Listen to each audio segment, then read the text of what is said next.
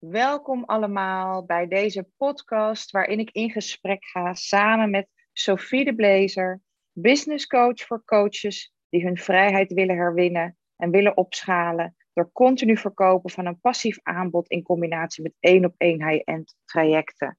Welkom Sophie. Superleuk om samen deze podcast op te nemen en uh, eens in te zoomen op hoogsensitiviteit in combinatie met het ondernemerschap. Um, omdat wij allebei ook hoogsensitief zijn en ondernemer zijn. Uh, op die manier eigenlijk uh, ook andere ondernemers te helpen en inzicht te geven. Welke voordelen het heeft en welke talenten het heeft, maar zeker ook welke uitdagingen het heeft. Zeker. Dus leuk, leuk om dit te doen. Wil je nog iets toevoegen aan jouw introductie? Uh, Wat je doe je? Heel mooi uh, geformuleerd. ja, ik denk, ik, ik vind het gewoon, ik, ik zag dat heel veel business coaches gingen staan voor ofwel het ene high-end coaching en je moet vooral één op één coaching doen, want dat is wat iedereen wil en daar vindt de grootste transformaties plaats. Maar als ik dan kijk naar mezelf, dan denk ik, ja, ik heb met één online programma mijn succes gewoon weten te bereiken. En ik had er geen coach voor nodig. Dus als ik zo ben, dan denk ik dat er ook heel veel andere mensen zijn die gewoon met een blueprint in een online programma super succesvol kunnen worden. Uh, dus ik doe het gewoon al twee. Ik, uh, ik leer hoe dat je eigenlijk je aanbod passief kunt verkopen, dan wel je middle-end aanbod of je low-end aanbod passief kunt verkopen. En daarnaast ook gewoon kunt focussen op één op één high-end trajecten omdat ook, omdat wij hoogsensitief zijn en um, omdat je gewoon, ik merk dat ook, alleen voor mij gaat er heel veel energie uit naar die één op één coachings. En moest ik dat alleen maar doen, ja, dat zou voor mij te belastend zijn, denk ik. Ik vind het ook fijn om, om heel regelmatig vakantie te nemen en te kunnen zeggen van, uh, joh, ik ben weg. En wetende dat mijn bedrijf doorloopt, wetende dat ik blijf geld verdienen. Dat geeft mij heel veel rust en veel meer energie. Dus vandaar het hybride bedrijf. En dat is ook wat ik andere coaches en therapeuten aanleer.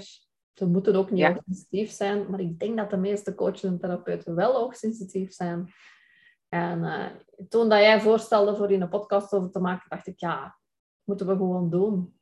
Uh, Leuk, ja. ja. Eens. Ik denk ook dat er heel veel uh, ondernemers zijn die hoogsensitief zijn en daar ook echt nog wel soms een weg in te gaan hebben of tegen bepaalde dingen aanlopen. Dat is in ieder geval wel wat ik zie.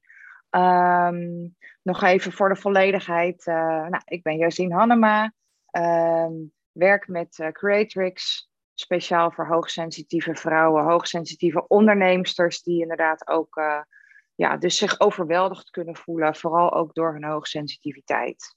En dat is inderdaad ook, uh, nou ja, goed om denk ik even bij, uh, bij stil te gaan staan. Um, want hoe is dat voor jou, Sophie? wat zijn voor jou, nou laten we beginnen bij de voordelen voor mm -hmm. jou van hoogsensitief zijn.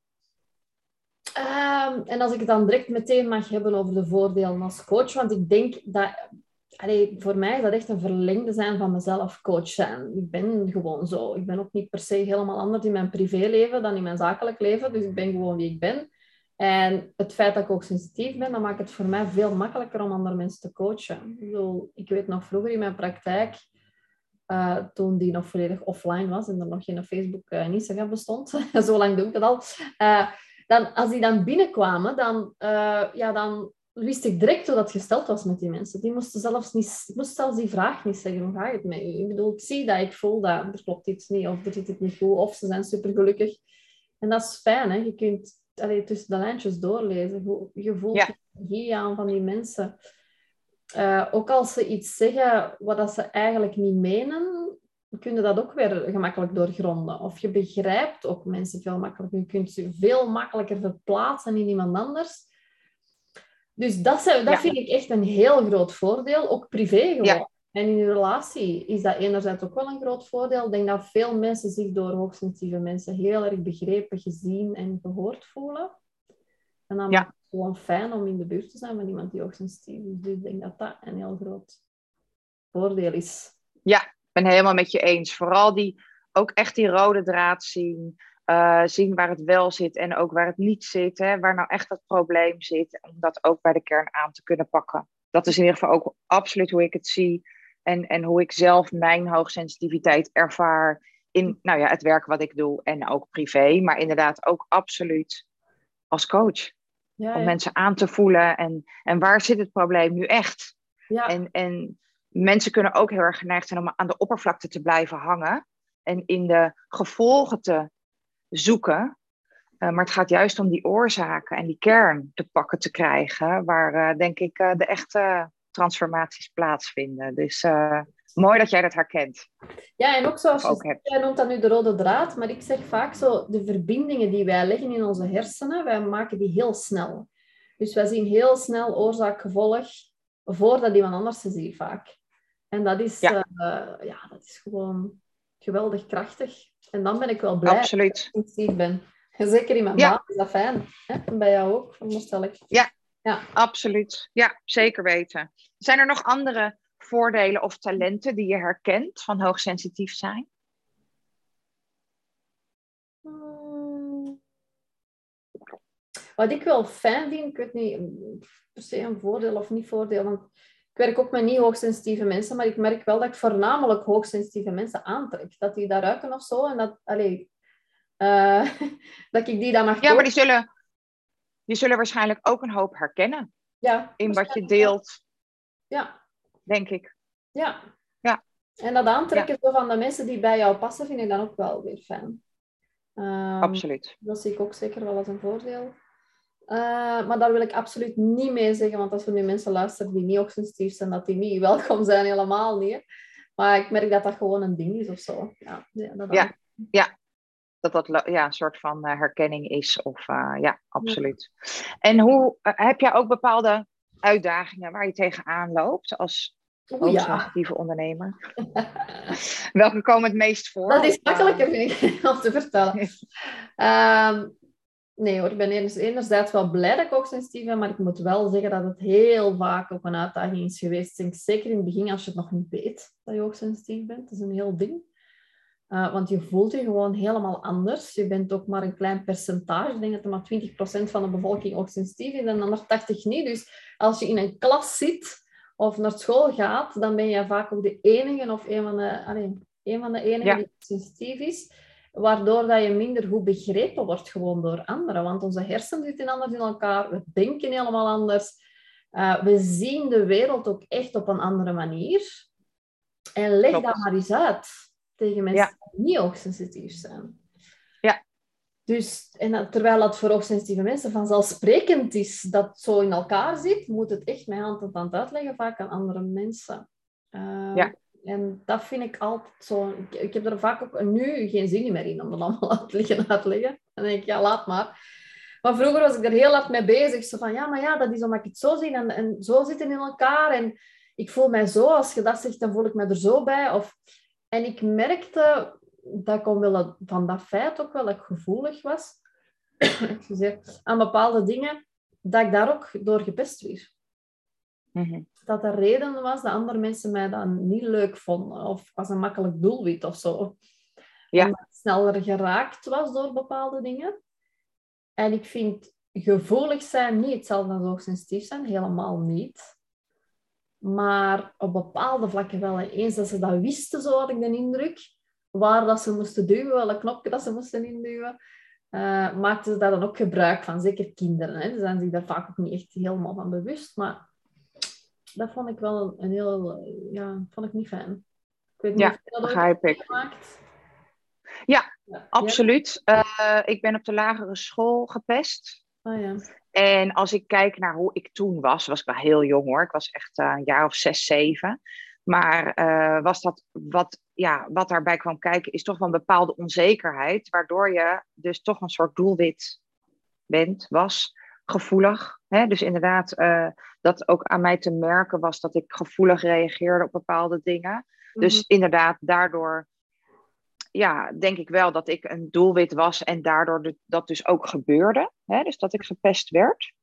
Ehm, nou, is, heeft dat gelukkig is dat goed afgelopen, want ik ben toen naar een andere school gegaan en daar was dat heel anders.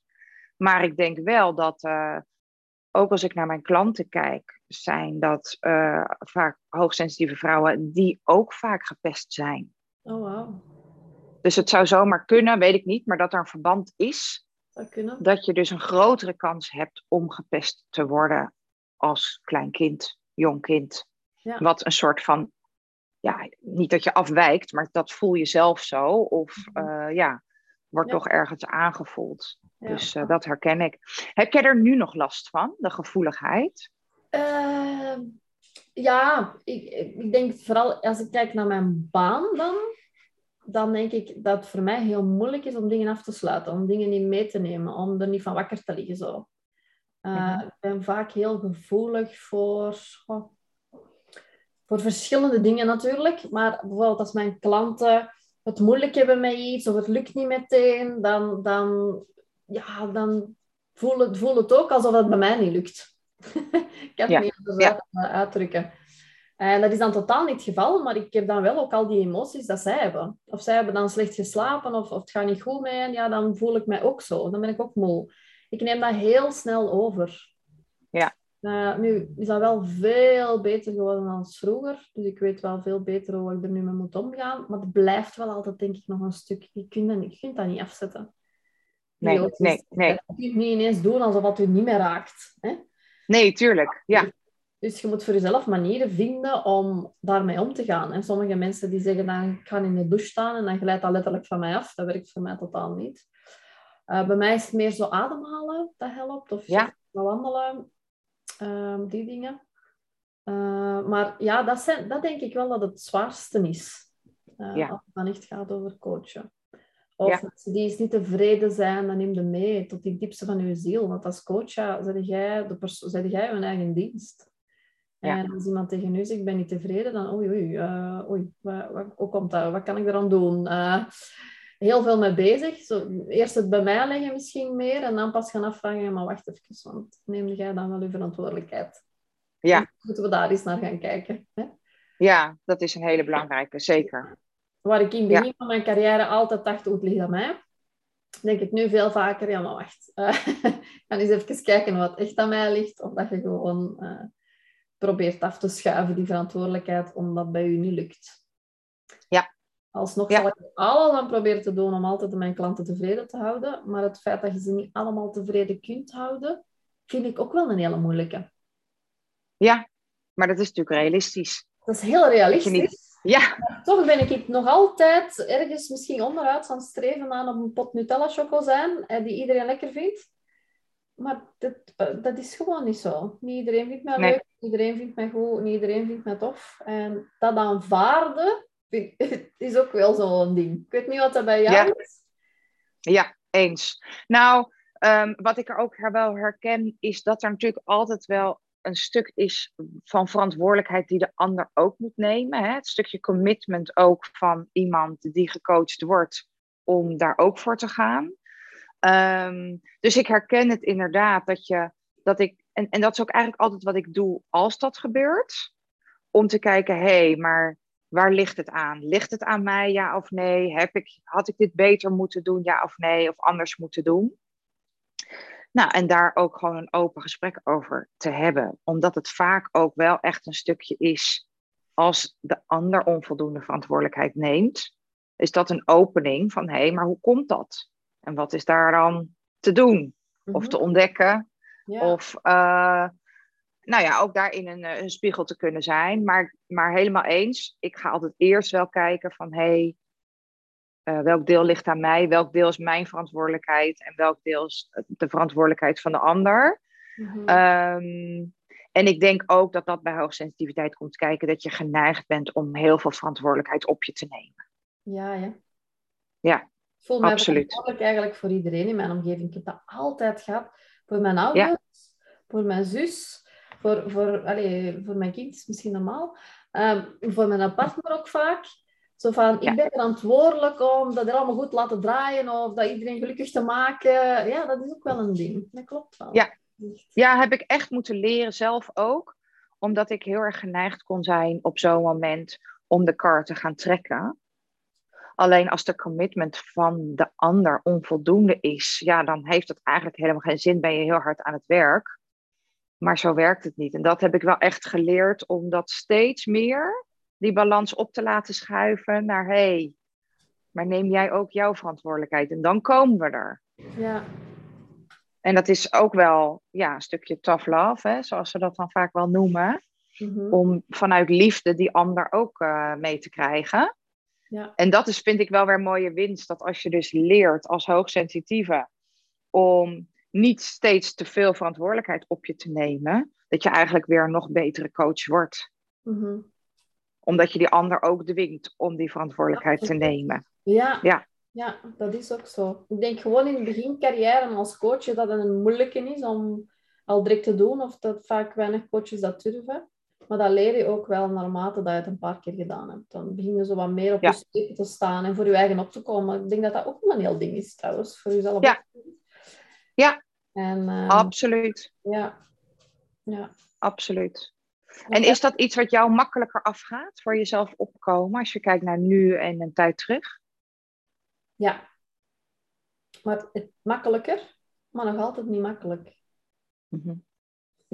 Ehm, nee. Omdat je daar ook in het aftasten komt van hé, hey, waar is het stukje dat ik voor mezelf op mag komen? En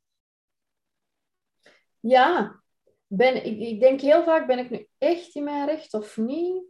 Ik ga heel hard zo die balans altijd afwegen. Van oké, dat is mijn visie, maar die ander voelt zich misschien echt wel geraakt door mij. Ehm, ik ga altijd zo, proberen toch te zorgen dat de ander zich goed voelt of tevreden voelt. Maar Mhm. veel minder door mezelf eh, neer te halen. Dus ik zal alles geven van, bijvoorbeeld als nu een klant is die, die het moeilijk heeft of zo, en die zegt, ja, maar ik had daar meer hulp bij verwacht, dan zal ik eerder zeggen van, oké, maar waarom heb je dat dan niet aangegeven? In plaats van wat ik vroeger zou zeggen van, oh, sorry, ja, had inderdaad meer hulp moeten krijgen. Hè? Ja. Dus mezelf zo niet meer verontschuldigen, dat is ook een deel van, van opkomen voor jezelf, denk ik. Dat je niet altijd sorry zegt voor het minste, maar eerst even gaan nadenken, oh, wacht even, uw aandeel is hier even groot in, hoe kunnen we dat rechtzetten, zodat we ons er goed bij voelen. absoluut. Dus dat is Nee, helemaal herkenbaar. Ja, ja. Ja. Wel plezant zo praten met iemand voor wie dat herkenbaar is allemaal. Dat is Ja. Dan weet je ook meteen waarom eh, zoveel hoogsensitieve coaches waarschijnlijk bij jou terechtkomen. Ja, Dat die zich ook weer herkennen in nou ja, de voorbeelden die jij natuurlijk ook weer deelt. ja.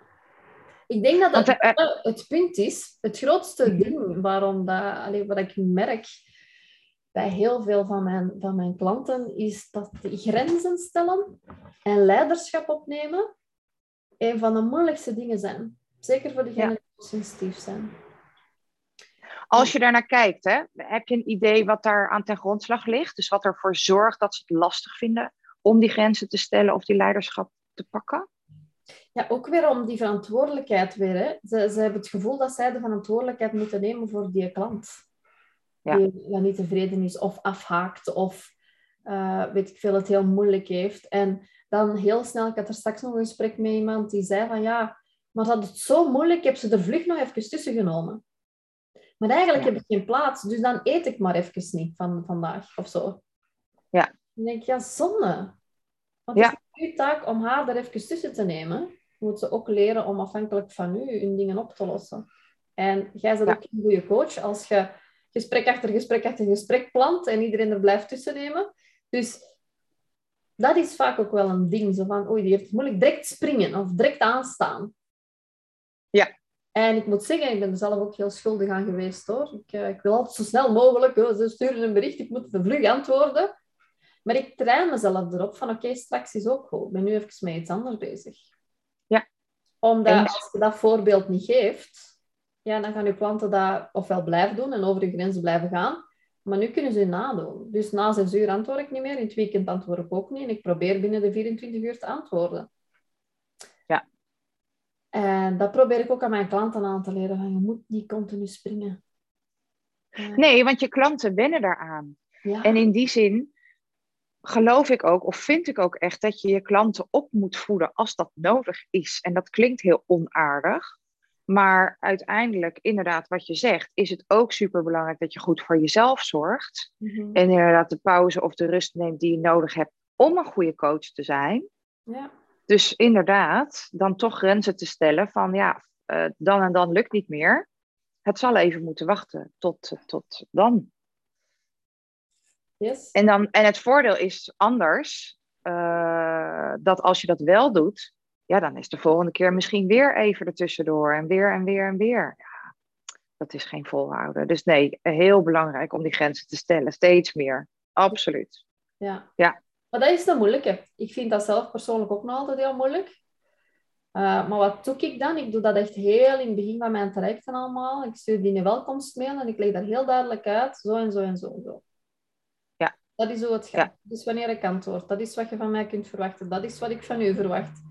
Jij stuurt mij een berichtje met een update elke vrijdag. Ik ga daar niet naar vragen. Dat is uw verantwoordelijkheid. Dus heel, ja, heel duidelijk, duidelijk. denk ik, van in het begin. Dat al heel veel helpt om achteraf niet al te maar die te, dat te moeten opvangen. Ja, ja. En je voorkomt inderdaad dat het gebeurt, omdat je het eigenlijk al duidelijk aangeeft wat hè, de grenzen zijn. Ja. Dus dat is natuurlijk, eh, werkt veel beter dan kan achteraf tackelen natuurlijk. Maar je moet weten, ik heb dat ook moeten leren. Ik had ook nooit gedacht, ah ja, ik kan dat al in een welkomstmail doen. Totdat ik zelf een welkomstmail zag, dat ik dacht van, amai, jij durft. Maar eigenlijk heeft ze verdomme wel gelijk. Ja, mooie les ook. dat je dat toen hebt overgenomen of ook zo bent gaan doen. En in hoeverre ervaar jij regelmatig overprikkeling of overweldigd voelen als ondernemer zijnde? In hoeverre of hoeveel? Want ik denk dat dat bijna dagelijks is. Dat ik dat nog ervaar. Ik heb niet zoveel nodig om overweldigd te zijn. Ik kan al overweldigd zijn door in de douche te staan en gewoon te veel ideeën te hebben om die een dag te gaan doen, bij wijze van spreken. Dus ik moet echt met mezelf afspreken. Oké, drie dingen zijn genoeg. Drie dingen, drie belangrijkste dingen. Drie dingen. Als je drie dingen gedaan hebt, is meer zo. Dus ik moet heel erg op mezelf inpraten van dat is voldoende. Ehm, uh, gewoon al in mijn eigen hoofd. Dus wat ik wel nu doe, is bijvoorbeeld niet s morgens mijn mail openen en mijn mails beginnen antwoorden, want dat is de hele dag brandjes aan het blussen. Ik ben echt bezig dan met die drie belangrijke dingen eerst te doen. En als die afgerond zijn, ook al is het zes uur s'avonds, dan pas kijken naar mijn mail, of zelfs niet, want ik vind mail eigenlijk helemaal niet zo belangrijk. Ja. Um, ja. Dus dat. Uh, maar die overweldiging, ja, ook gewoon, vaak is dat door je eigen emoties, maar je creëerde die emoties door je gedachten. Hè? Dus je bent overweldigd door ofwel eerst je overtuigingen, dan je gedachten, dan je emoties.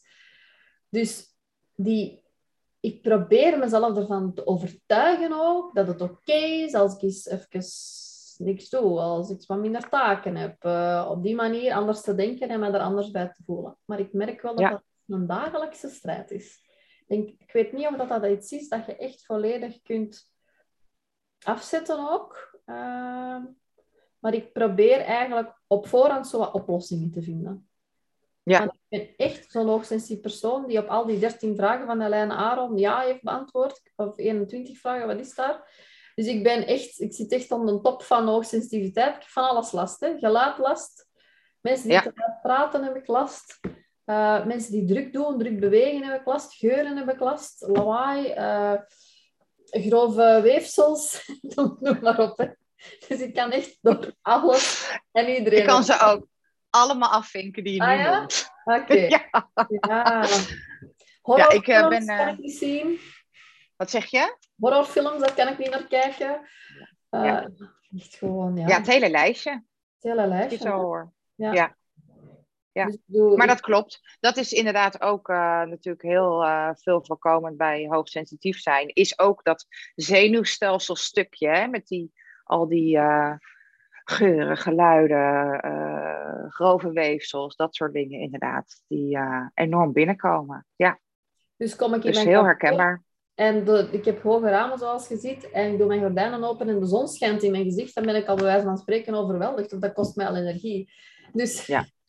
dat is gewoon ja, ermee leren omgaan. Hè.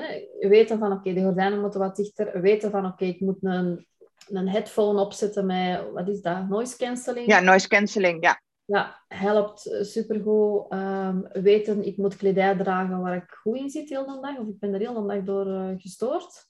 Ja. Mijn huis moet opgeruimd zijn. Uh, zo, voordat ik begin, eigenlijk jezelf het een beetje gemakkelijk maken, waardoor dat je door die dingen al niet overweldigend kunt zijn. Heel goede grenzen stellen, waardoor je klanten nu niet overweldigen. En dan gaat dat. Ja. Ik denk dat dat echt een proces is, ook dat je moet leren wat voor u overweldigend is. En hoe kun je daar op voorhand al op inspelen? Eens. Ja, maar eigenlijk uh, je gebruiksaanwijzing. De gebruiksaanwijzing. Ja, uzelf heel goed kennen. Absoluut. Ja. En ik denk ook wel, uh, wat mij enorm geholpen heeft, is ook me bewust te worden van wat zorgt bij mij voor die overprikkeling of overweldiging. Ja. Zodat je ook daarop kunt anticiperen. Inderdaad, nou, de dingen die jij noemt al, hè, dat, dus dat zijn al van dat soort voorbeelden, maar ook plekken waar het geluid gewoon heel onprettig is of een slechte akoestiek. Ja, daar ga ik niet naartoe, als dat niet hoeft. Ja, ik ook en, en zo ja. En dan maak je het wel zo rustig mogelijk, waarbij ik ook wel geloof dat je niet onder een steen moet gaan leven. Hè? Dat je dan ook uh, jezelf helemaal uh, te prikkelarm maakt. Maar inderdaad, wel rekening mee te houden. En overal waar het niet hoeft, dat lekker weg te kunnen laten. Absoluut. En te weten, want het is best wel persoonlijk, voor iedereen is het anders, wat voor die prikkel zorgt. Ja. ja. En dat te weten en daarop te anticiperen. Is dat eigenlijk niet wat jij doet met Creatrix? Ja. Ja, dat is eigenlijk ook Ja, als je kijkt naar Creatrix, is, um, dat gaat vooral in op je overtuigingen. Want die mhm. eigenlijk zijn de basis van alles. Hè? En of je die overtuigingen hebt gekregen in dit leven, omdat je gepest bent, of omdat je een bepaalde opvoeding hebt gehad, of andere dingen hebt meegemaakt die je gevormd hebben. Of dat het komt door overtuigingen die je misschien wel overerfd hebt gekregen door voorgaande generaties. Want dat is inmiddels ook wetenschappelijk aangetoond. Hè? Dat, dat gaat wel tot zeven generaties terug. Wat je daar nog aan emoties en overtuigingen en trauma's overerft. En al die mensen die de oorlog hebben meegemaakt dan? Nou, dat. Maar wat dacht je inderdaad van ook uh, de, de tijd dat we op de brandstapel eindigden? Oh ja. Die telt ook nog mee ik zou het niet vreemd vinden als dat de verklaring is waarom nog steeds zo ontzettend veel vrouwen zich niet goed genoeg voelen. Ook al is er in hun hele leven voldoende bewijs dat ze hartstikke goed zijn. En hartstikke succesvol. En hartstikke slim. En het toch, ook al hebben ze keer op keer de bevestiging gekregen, dat niet voelen. En niet echt vanuit hun tenen kunnen voelen en geloven. Ja. En dat is eigenlijk wat Creatix doet. Dat verandert die overtuigingen van ik ben niet goed genoeg naar ik ben helemaal goed zoals ik ben. Of nou, ieder in zijn eigen bewoordingen, maar dat is even een voorbeeld. Mhm. En ik weet wel dat als je dat doet, en ik heb dat natuurlijk, bij mij is het ooit begonnen dat ik het zelf heb aan de lijf heb ondervonden en toen besloten heb om hiermee te gaan werken, is dat door dat tackelen van die overtuigingen enorm veel overprikkeling wegblijft. Oh, wow.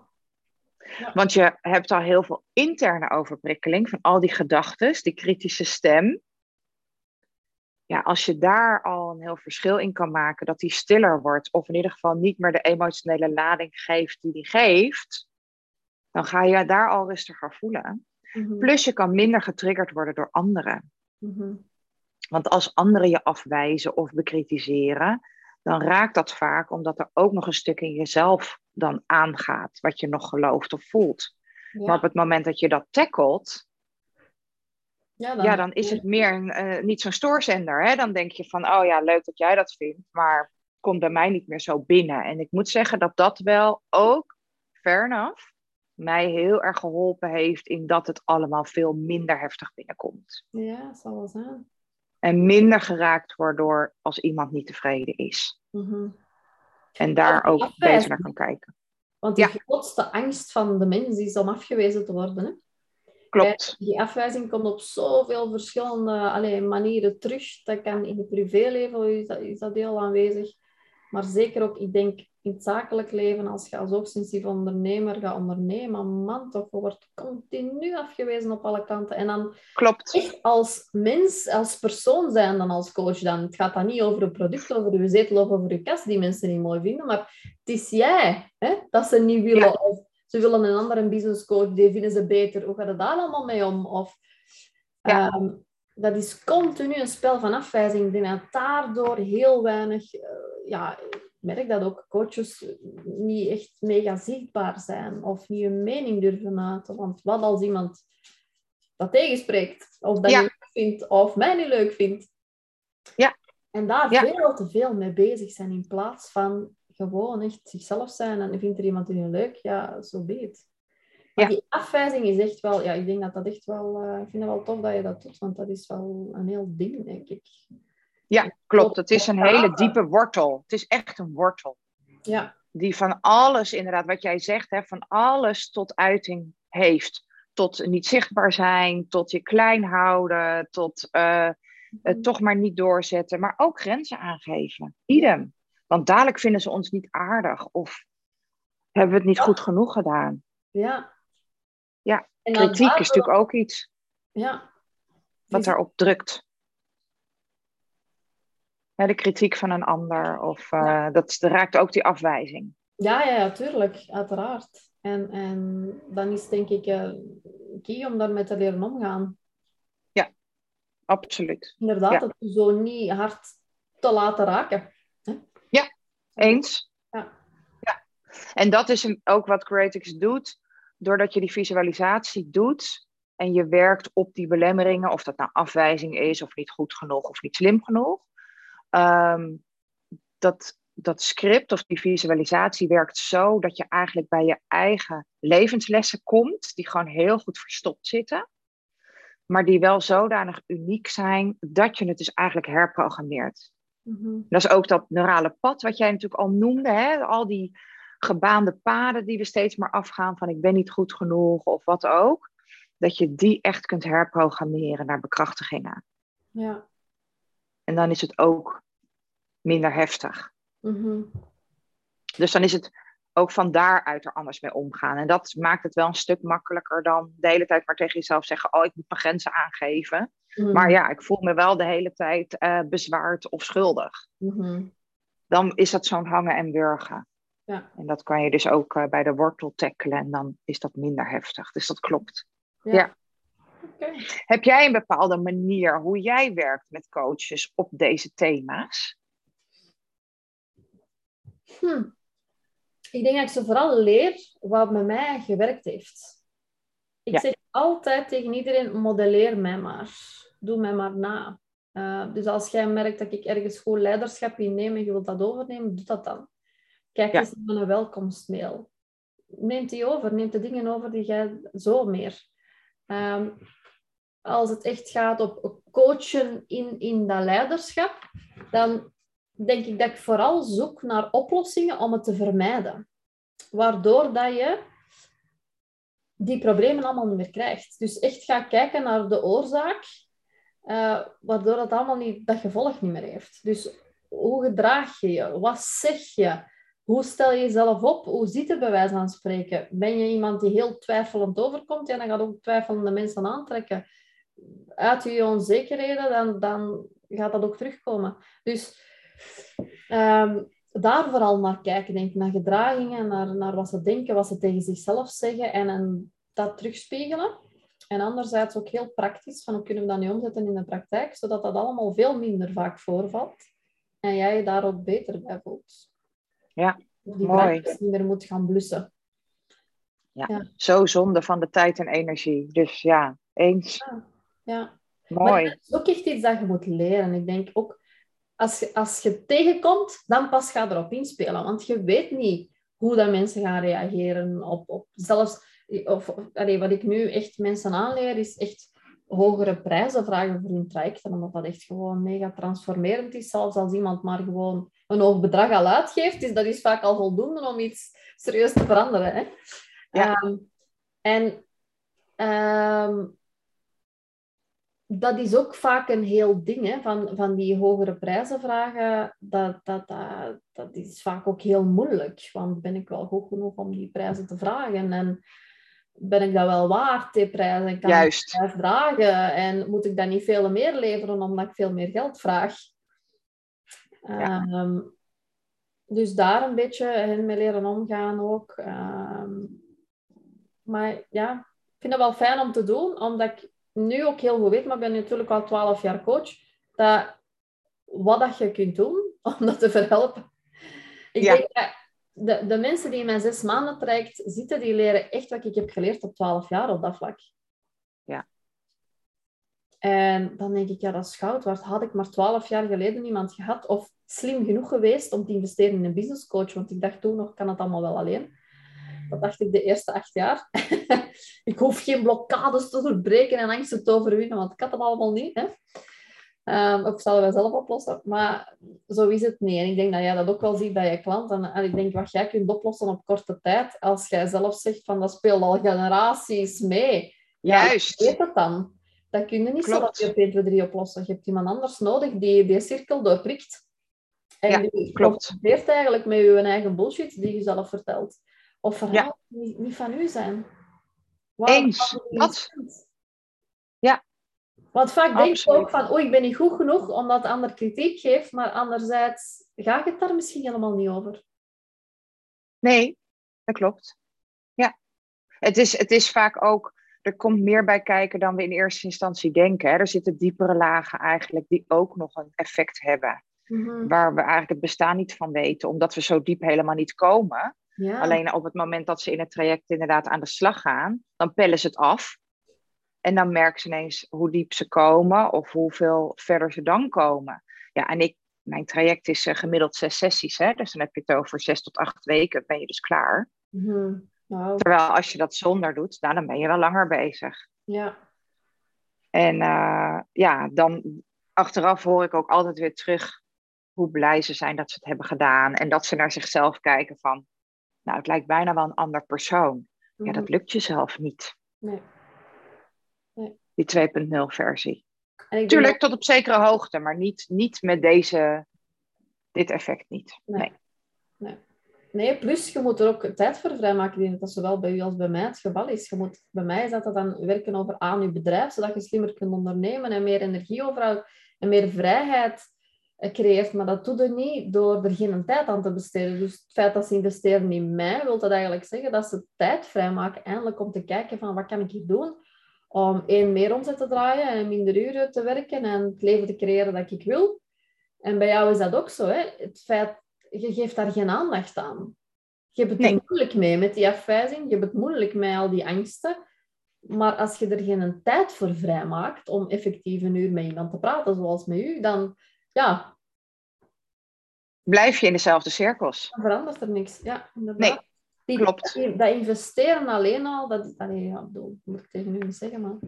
Nee, helemaal eens. De- het is, het, is ja, zo, het levert zoveel tijdwinst op. En ik vind het ook wel mooi, want als ik naar mezelf kijk van vier, vijf jaar terug, was ik altijd enorm bezig met heel veel dingen te zeggen: nee, geen tijd voor. mhm, Nou, daar zou dit ook onder kunnen vallen. ja. Ook al heb ik altijd ontzettend veel aan mijn eigen ontwikkeling gedaan.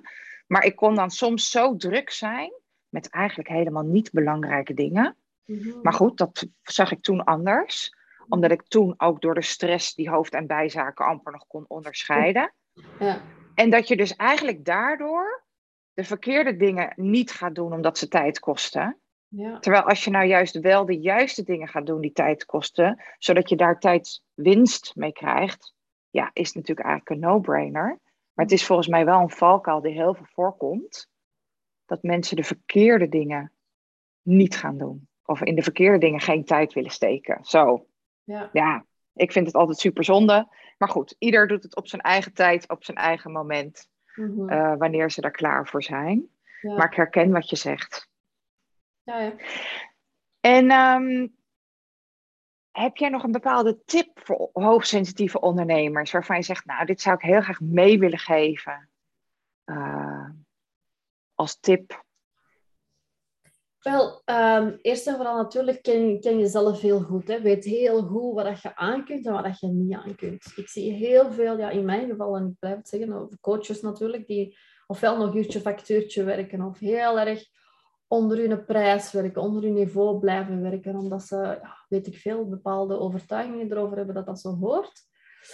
Ehm, maar ga eerst kijken, denk ik, allee, ik onderneem toch in ieder geval om een goed leven te kunnen hebben. Ik onderneem niet om rijk te worden of om, allee, of weet ik veel, om wat voor andere reden. Ik onderneem ook niet om mijn eigen te bewijzen of omdat mijn ego dat wilt.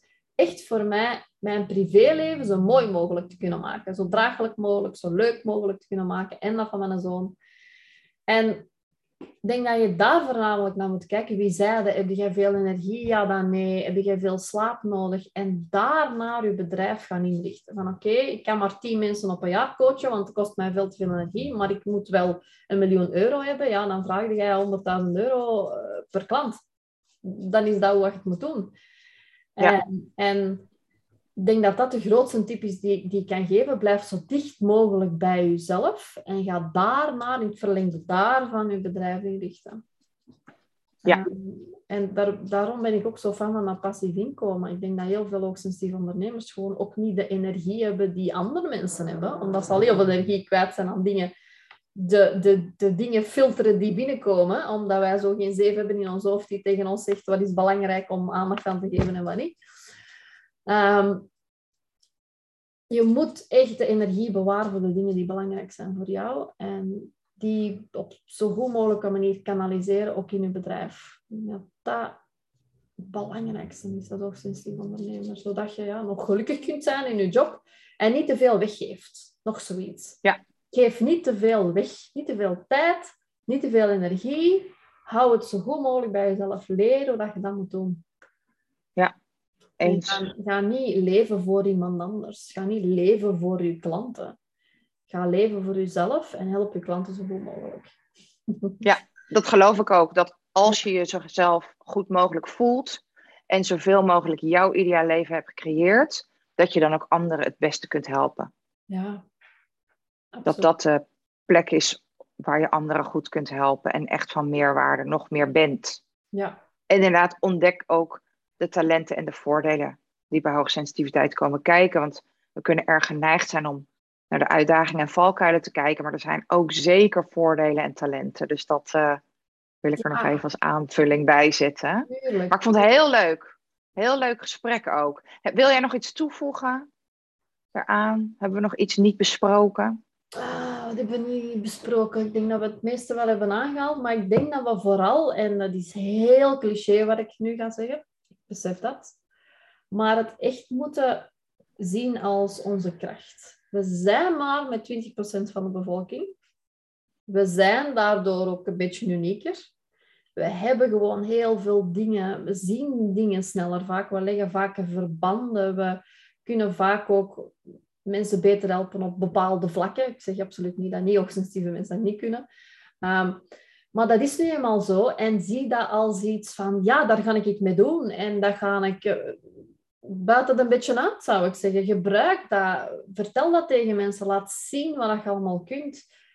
En, en ja, zie dat, gebruik dat. En hanteer dat een beetje ook in je eigen leven als, als een kracht. In plaats van dat het zo moeilijk is. Want dat kan het ook gewoon zijn. We moeten er ook eerlijk over zijn. Het is niet altijd evident. Maar ja, we moeten het meer, denk ik, echt als iets positiefs benadrukken. En we zijn uniek en we zijn uitzonderlijk en we kunnen er van alles mee en we gaan er allemaal inzetten, dan, uh, dan de andere kant te vaak te belichten. Hè? Want zoals jij ook zei, we hadden hiervoor even een gesprekje, van het wordt vaak nogal als iets negatief bestempeld, of het is niet waar, of het bestaat niet, of... Uh, en ik denk in plaats van eigen altijd maar te bewijzen en daartegen proberen op te boksen, laat gewoon zien wat je bent. Laat gewoon zien wat je kunt. En je hoeft zelfs in term niet te benoemen. Ja. Ik denk dat dat wel zullen aanvoelen. Ik denk als ze in gesprek gaan met jou, dat, je, dat, ze heel snel zullen doorhebben van, oh, oh ja, die ziet mij, die kent mij, die hoort mij. Ik hoef er niet te veel te zeggen, want ik val dan toch door de mand. En, en ja, ik denk dat dat juist Klopt. Ja, geweldig is. Tuurlijk, ja. Daar zit ook de winst voor de ander om uh, daar wel ook alle begrip en helemaal gezien te worden. En ook wel de blinde vlekken die je zelf misschien nog hebt, ook te kunnen ontdekken. Want daar zit ook heel veel winst. Ja, absoluut. En dat is ook, denk ik, een van de belangrijkste redenen om uh, altijd wel uh, nou, je, jezelf te blijven ontwikkelen samen met iemand om die blinde vlekken toch uh, af en toe wel weer even helder te krijgen en uh, verder mee te kunnen komen. Maar uh, dankjewel voor het leuke gesprek. Ja. En ehm, waar kunnen mensen jou vinden? Ik denk het best op Instagram gewoon. At Sophie de Blazer. Sophie met een F en Blazer met een S. En of op mijn website www.businesscoachsophie.be. Uh, maar ik denk dat het is gewoon moest je interesse hebben of zoiets hebben van ik kan wel een business coach gebruiken die mij leert om passief van meer of mijn energie te bewaren of mijn hogere eindtrajecten uh, doorlopend te verkopen.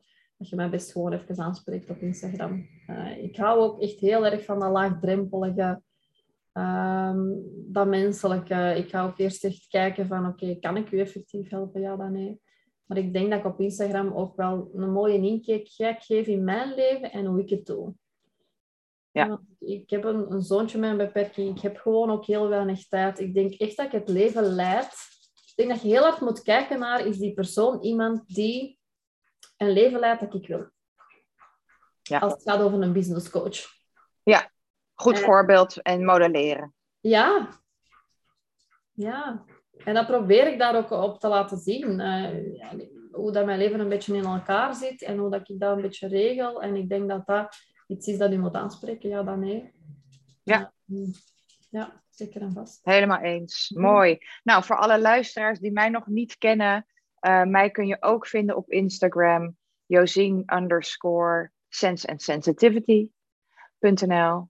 En mijn website is ook senseandsensitivity.nl. Uh, maar Josien, Josien Hannema, googelen werkt ook vaak heel goed. En uh, ik ben overal te vinden en je kunt altijd een uh, berichtje naar me sturen. En inderdaad, om even terug te komen, Sense and Sensitivity is ook zeker bewust gekozen. Mm met ook de combinatie met verstand en gevoel.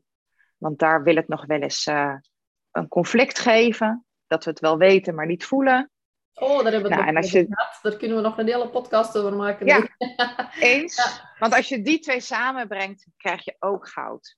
Als je eenmaal weet en voelt hoe het zit, dat je goed bent. Vertrouwen op dat gevoel. Ja. Vertrouwen op die intuïtie.